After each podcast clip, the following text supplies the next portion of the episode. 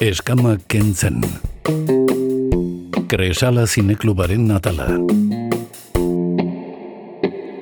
Aste artea da entzule, badekizu aste artetan eta hasieran iragarri dugun bezala zinemari buruz aritzea gustatzen zaigula hemen ispilu beltzan donostea kultura irratian.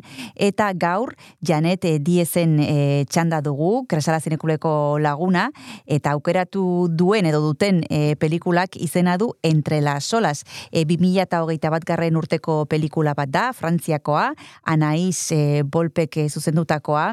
Egunon, Janet, zer modu zaude? Ba, oso, no, gaur Frantzia dagoaz, Kristina. Gaur Frantziara goaz, ze plazerra den e, pelikulen bidez e, bidaiatzea, eta gainera oso urruti bidaiatzeko aukera daukagu, kasu hontan ez goaz hain urruti Frantziara goaz, eta ea zer kontatzen digun Anaiz Bolpek, ze, ze, zein da pelikula hontako historia janet? Ba, kasu hontan bi lagunik e, oso lagun minak diren bi lagun eukiko ditugu pantailan dian, uh Parixen biziria biak eta bere ametsa da ba, e, aktore karrera oso ona izatea eta bueno, ematen du lortuko dutela ze biak e, hartuak izango dira e, obra antzerki obra on batean Parisen. Eta bueno, bat titular bezala egongo da, bestea suplentea, baina bueno, e, egongo da zerbait hortikan, ez dut spoiler egingo, e, jendea joan barko da saiora ikustea zer gertatuko den. Baina bueno, dena ez da hain arroxa ikusiko. Bueno, esan bezala, Alma eta Margot dira protagonistak, bi neska e, lagunak direnak, amets bat daukate, eta ematen du, e, hasieran behintzat, e, lortzeko aukerak dituztela. E, ze aukera dauka, ze aukera ematen digu pelikula honek entre las olas, Janet? E, ikusiko dugu Paris, ikusiko dugu elkartasun historio bat, ikusiko ditugu bi e, emakume bazte bere ametsaren, e, bere ametsaren gatik borroka egiten, zer gehiago ikusiko dugu?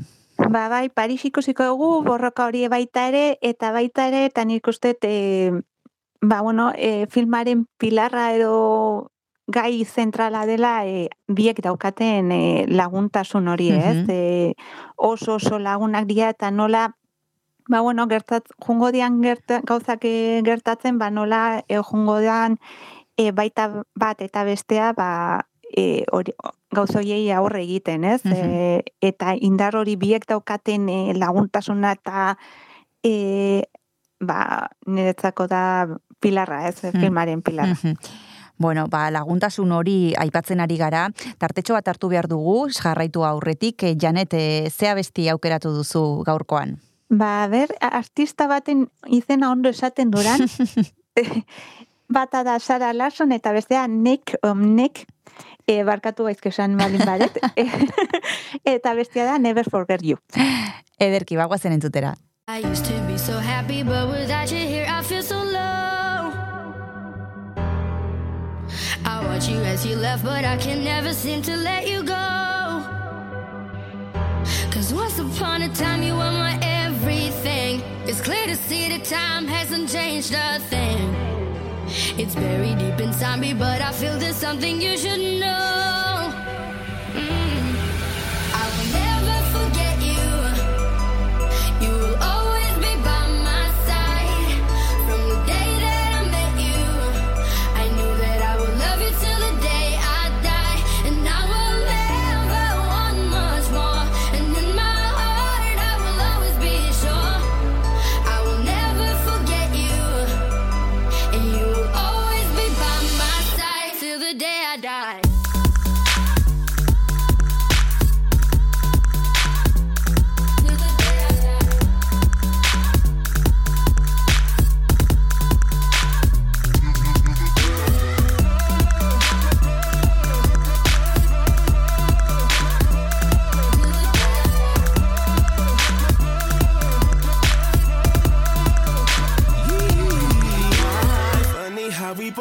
people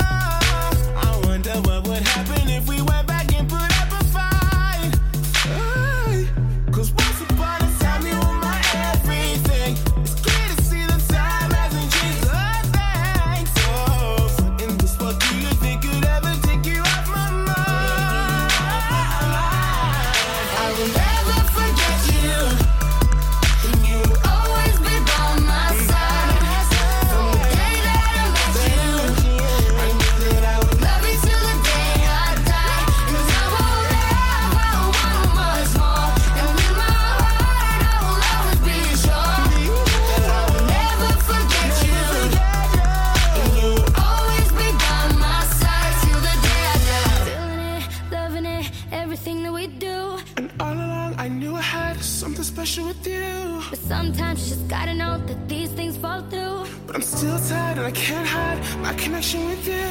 Feeling it, loving it, everything that we do. And all along I knew I had something special with you. But sometimes you just gotta know that these things fall through. I can have my connection with you.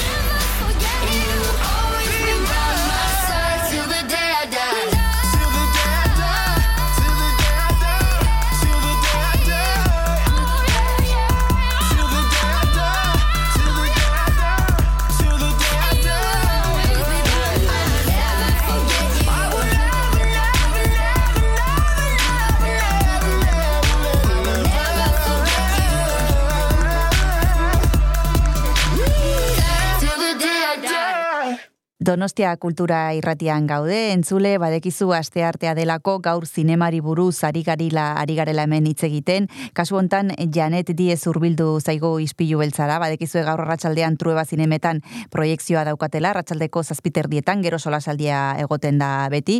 Eta kasu hontan e, proiektatuko duten e, pelikulak izena du Entre las olas, e, duela bi urteko pelikula da, Frantziakoa, eta Anaiz e, Bolpe da zuzendaria. Aipatu dugu lehen e, laguntasun historio bat dela, bi neska gazte direla protagonista, Alma eta Margot, e, ba, ezin dira bereizi, elkarrekin egiten dute dena, Parisen bizi dira, eta bueno, beraien ametsa e, lortzeko ba, borroka asko egiten dute. E, guazen hitz egitera e, pelikularen formari buruz, Janet, e, nola dago errodatuta pelikula hau? Ba, nik uste eta hasieran e, Bon, nire ustez, bia baino la hobeto pentsatuta nik uste e, filma e, emozioak eramaten dutela. E, imagina emozien bidez, e, emozio kontrolatzen Mhm. dute. Ze bai hasian ikusiko dugu ba e, iruri eroplano e, lasaiak esango genuke, e, plano general asko, eta gero bai izango da pixka bat torbellino emozioak e, bai indarrartzen a- ari diren enean, ez? Eta, bueno, e, grabatuta dago moru denok ulertzeko moduan, moru errez baten, eta baita ere, ba, bueno, azkeneko aldian hemen egon nitzenean filma motza zen, bai, ba, haue, bai, film motzara, baina nik uste filma motza eta potentea. e, zeini gustatuko zaio filma hau, ze aipatu dugu e, protagonistak direla bineska gazte, eta nik ez dakite bereziki gazteendako e, e, den filma hau, edo, bueno, edo ez, e, ze berez, bueno, ez dakite e, universala den kontatzen duen historia. Ba, nik uste e, denentzako dela, ze azkenean e, kontatzen duen historioa ez bakarrik e, bilagunen emozioak eta bueno, abenturak baizik eta beste gertatzen den beste gauza, ez dut spoiler egingo, ba, nik uste bai gaztekero, bai helduekero, helduagoek e, bizi, bizitzeko aukera dute ez. Sori txarrez esan beharko dit, baina bai, edo norri gertatuko litzateke. Aipatu behar dugu e, aktoreak direla Soueila Jacob eta Debora Lukumuena, eta azken honek Lukumuenak e, Cesar Saria irabazi zuela beste pelikula batengatik, e, Divin izena duen pelikula batengatik. Zeirute zaizu beraien lana? Ze, behintzat kartelean, zen da hori nik daukadan hemen justu parean, ikusten zaio oso e, natural, eta nik ezakit lortzen dute naturaltasun hori ere transmititzea pantaiaren, pantaiarekin. Bai, nik uste, bai, eh, gainea, e, beti ikusi ditugu, ez, e, bi lagunen artean, baina kasu honetan netzako oso realista da. Mhm. Nik uste oso lagun egin diela grabazioetan, ero grabazioa baino lehen, ze nabarmentzen da oso naturalki at- ateatzen zaiela gauzak, ez? Gainak, e, Soushela Jakob, Margote interpretatzen duen e, aktoresak esaten zuen, ez? Ba, bueno, e, aktoresa ezberdinekin egin zula aurizioa, eta almaren e, papera debora agertu zenean, ba, esplosio bat egon zela, ez? E, ba, batean, zan, berarekin egin behar dez filma. Eta, nola ez, ba, pantailan hori nabartzen da, ez? Naturaltasun hori eta nik uste bai, biak oso lagun egin diela.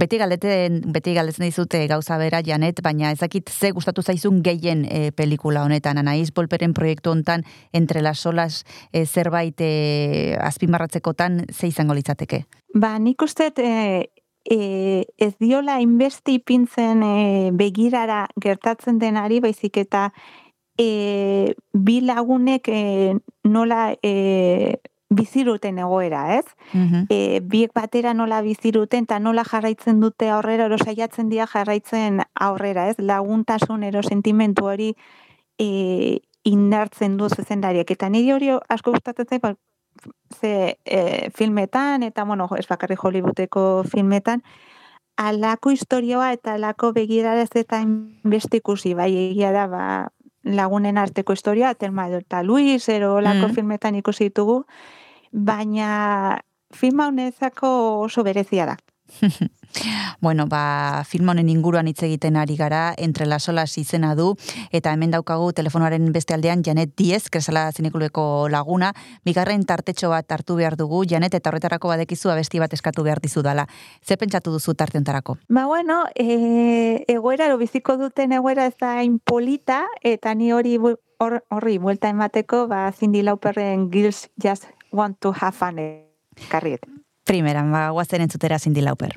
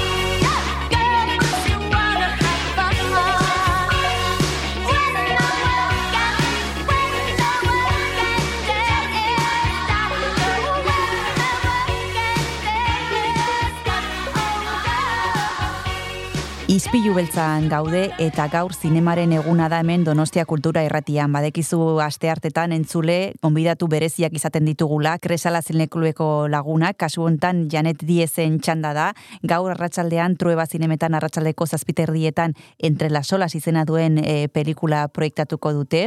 Anaiz Bolpek zuzendutakoa eta bertan kontatzen du zuzendari frantsesak e, ba, bi lagunen historia Alma eta Margot e, berexe dira eta beraien ametsa da aktore izatea. Eta, bueno, antza lortzen dute e, antzeslan oso importante batean e, papera, baina zerbait gertatuko da eta hori ez dugu kontatuko e, eta bueno ikusiko dugu nola, nola segitzen duen historia honek e, Anaiz Bolperen lana aipatu nahiko nuke orain e, Janet e, nola ikusi duzu zuzendari hau eta ze zaugarri e, dituela esango zenuke Ba, ez nun ezagutzen, esan egia esan da ez nun Mhm. ezagutzen zuzendari hau, Mhm. baina asko gustatu zai bere begirara.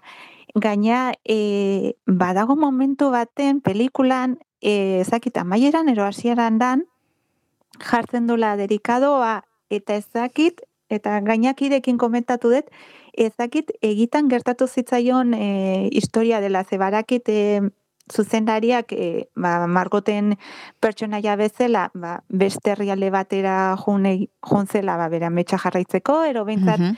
e, horrekin e, ba, apostu egiteko, eta esaldi horiek, e, esaldi horrek barkatu, e, nik uste e, zerbait daukala horratzean, ero nik uste zuzendariak erlazio estua dula historioakin, Aha. Eta egia esan da bai gustatu zein nola jarri dion begirara laguntasunari gehiene, gehien bat eta ez dio egoera ero bueno, gertatzen denari hainbeste garrantzia ematen, ez? Bere garrantzia du noski, ze gauza ez oso polita da, baina bueno, eh berarentzako garrantzitsua da laguna, eh ba gertatzen dena baino. Eta pegaren bat ikusi diozu? Ba ez.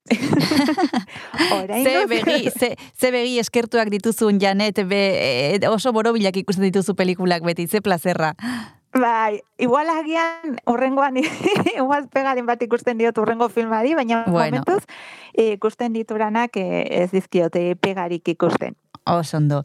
Bueno, aipatu behar dugu, eta aipatu dugu, e, baina azpimarratu behar dugu behin, e, beste behin e, gaur arratsaldean pelikula hau ikusteko aukera izango duzuela, entre las olas, e, trueba zinemetan arratsaldeko zazpiterdietan, eta aurrekoan e, zurekin hitz egin nuenean, esan zenidan, Kristina Zorita kazetaria egongo zela, ezakit gaur hor egongo den e, pelikula komentatzen. Ba, ni egongo naiz bakarrikan, hor zen agertokian ni bakarrik, bueno, bakarrik, ikuslekin batera noski, Noski baietz. eta arena konbidatzen ditu parte hartzak sola salian. Noski baiez, beti esaten dugu, baino gaur ere esango dugu solasaldia oso garrantzitsua dela, pelikula ikustea pantaila handian bai, baina gero gelditzea eta solastea eta ez izatea beldurrik e, iritzia e, botatzeko, ze bueno, hor ateratzen da oso gauza ederrak eta interesgarriak.